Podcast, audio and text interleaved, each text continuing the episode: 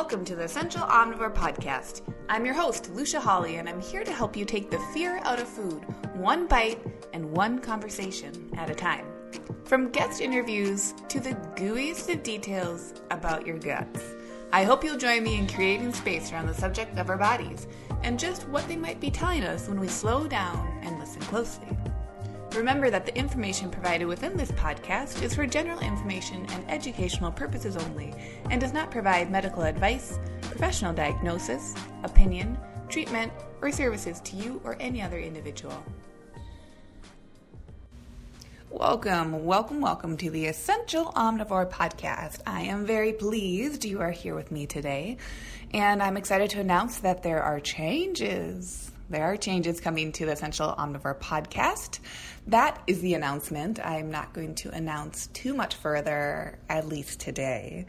But just know there are some cool changes, not so much in terms of content or direction, but um, in terms of something else. So keep your ear to the ground. I'll keep you posted as we get closer to those changes. They're about a month or so out. So soon to happen.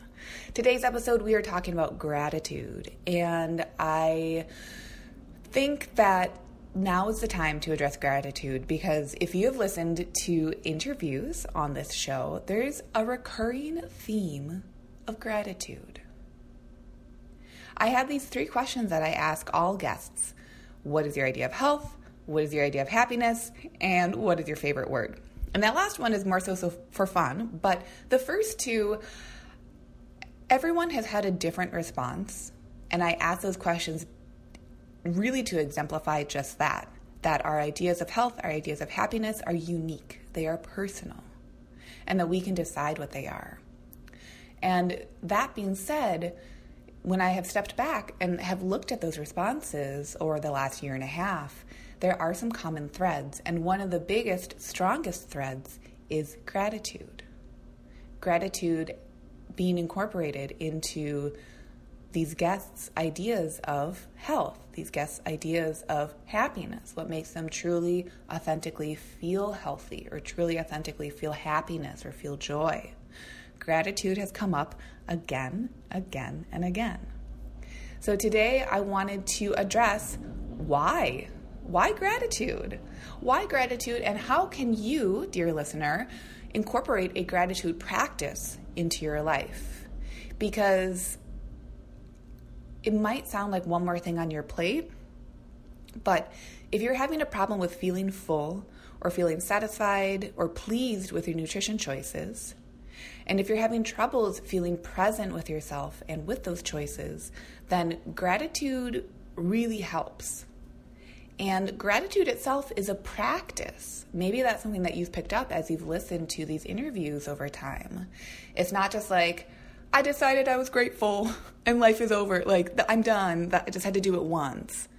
No, gratitude is like brushing your teeth or breathing or taking a break after a hard workout. It's something that can come naturally, but we might need to cajole ourselves into giving ourselves space around that gratitude practice. And now, when I say that, the, the flip side of gratitude is that it can sound rather nebulous. And these things that aren't concrete, that aren't tangible, are usually the actions. You know, it's why mindset can be difficult to talk about or really bring into your life because you're like, okay, that sounds good, but what do I do? And as well, I don't actually want to do one more thing because my life is really busy. I'm burnt out, I'm tired, and I'm overwhelmed. So, doing one more thing doesn't sound so great. This is where gratitude is helpful though, because as I said, gratitude is a practice. And because of that, it's a living, breathing practice that you can plunk down into your life in the way that it would best suit you.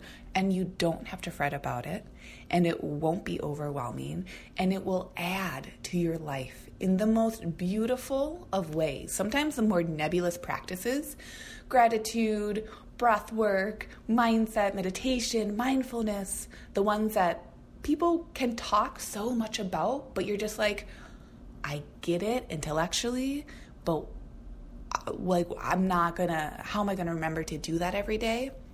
These more nebulous practices are some of the ones that are the most like mind bendingly impactful. And they are impactful because they are nebulous. And because it is difficult to grasp them, because they offer support that is so uniquely individualized and personalized to the support that you need in your life today. And they're like that because you offer them to yourself, for yourself. That is the power of a gratitude practice. So, here are five parts to discussing a gratitude practice that I want to touch on so that you feel like if you've been here for a while, you know I give homework sometimes. And today is not an exception. There is a piece of homework that I want you to practice. And I give homework because I want to offer that practices like these, the nebulous ones, you can actually start. And you can actually begin them today without feeling overwhelmed and without feeling like it's another big to do on your to do list. This is a little to do. The impact of what gratitude can give you is monumental and it is huge, but the requirement, the buy in, is teeny tiny. Okay, so let me start with the first point. Gratitude is small. Okay? Gratitude, you don't, even if you feel like you are in a not so great part of your life, a, place where things feel overwhelming, you don't really feel all that grateful for anything. The beauty of gratitude is that in the moment, you can practice gratitude right now. You might not feel gratitude for a job that's difficult or for an emotional relationship that is going through some hard times, but maybe you can be grateful for the sunshine outside Maybe you hate the sunshine, but it ended up being cloudy later in the afternoon. That could be your gratefulness for the day and the gratitude for the day. So, gratitude is small. And if you are confused what to feel grateful for, focusing on three things a person, place, or a thing is a wonderful place to start. So, feeling gratitude for a person that you know feeling gratitude for a place you've been, whether you're in that place right now, or it's one from the past, or it's one that you're going to again. Gratitude for a thing. Maybe you're grateful for the clean dishes in the dishwasher. Maybe you're grateful that you made your bed this morning. There are so many things to be grateful for, and this is a place that you get to pump your creativity muscle you get to be creative about what offers you that feeling of gratitude. Now, gratitude is also in the here and now, and it can be in the past. So, when people are struggling to feel grateful for something, I usually like them to say, or I like to tell them, let's have you simply focus on gratitude in the present moment. And that type of gratitude can often come back to your senses. What do you feel? Are you grateful for your bare feet on the floor? What do you see? Are you grateful for the artwork that's on your wall? Are you outside? Are you grateful for the leaves of the tree rustling above you? What do you hear? Are you grateful for the sound of those leaves as they're rustling? Are you grateful for the really noisy street that you're walking down because it means that you're living in the city? and you always wanted to live in the city. So, starting with gratitude in the present can be compelling because it can streamline what you're doing, okay? Now, the last thing I want to mention, I know you're like, wait, we, did we just start? No, we just got through a huge chunk of gratitude. I'm telling you this because I want to make it simple and effective and clear and efficient for you so you can begin.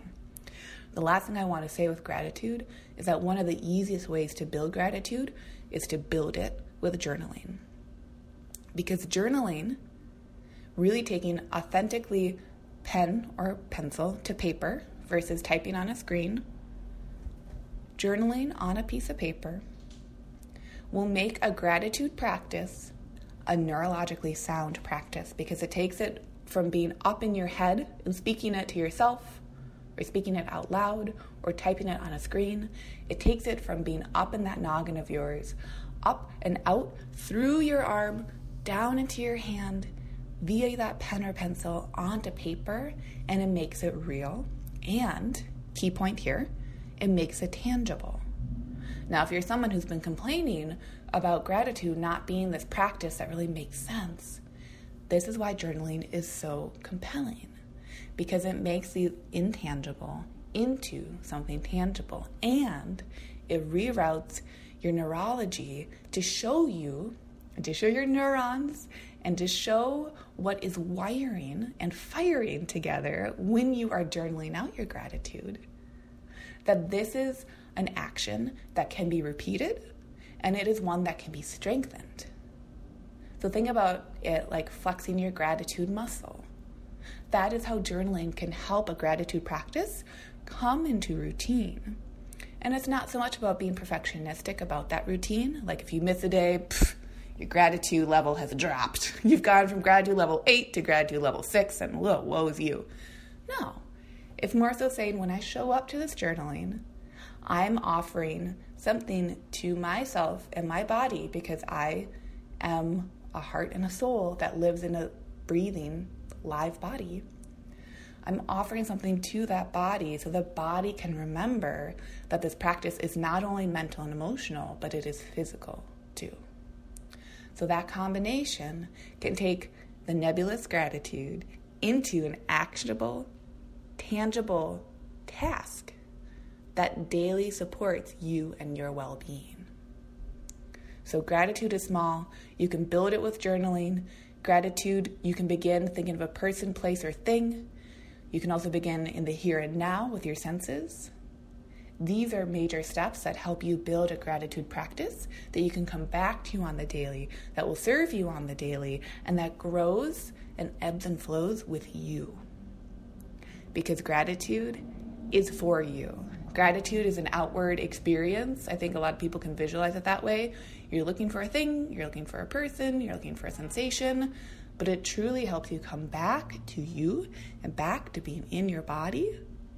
And it's routing that neurological experience that will only strengthen your ability to feel gratefulness and gratitude for these occurrences in your life. And that's a very powerful thing. So go do that homework this week. Report back to me. Hit me up on Instagram. I'm Essential Omnivore over there. Hit me up on my website, essentialomnivore.com, or my email, Y'all, I still have email. We all still have emails, right? Lucia at essentialomnivore.com is my email address. Let me know how your gratitude practice went this week, and I'll catch you next week. This episode is sponsored by the Real Food Reframe, which is my group coaching program geared towards women who are ready to truly reclaim their health and wellness and who are very much in a place to bring expansion into their eating styles. If you identify as someone who is health focused, you like to incorporate real foods into your lifestyle, but you are now scared because of a real food style of eating, you are scared to incorporate foods that don't fit on that protocol or plan. You're scared of those reintroductions, you're scared of gaining weight or experiencing symptoms because of those foods coming back into your diet, the Real Food Reframe is for you. Real Food Reframe is an eight week program, and our first cohort begins September 2nd. So I'm taking enrollments right now. And if you want more details on that, then head over to the show notes and hit me up, and we'll get you situated into this program. I have been developing this class for multiple months now, and I am so very excited to open it up for enrollment and get people feeling really groovy with their food and feeling that autonomy and liberation that I know you deserve to feel. Hey, thanks so much for joining along on today's episode. For full archives of past episodes, hop on over to essentialomnivore.com or subscribe to the Essential Omnivore podcast on Apple Podcasts or Stitcher.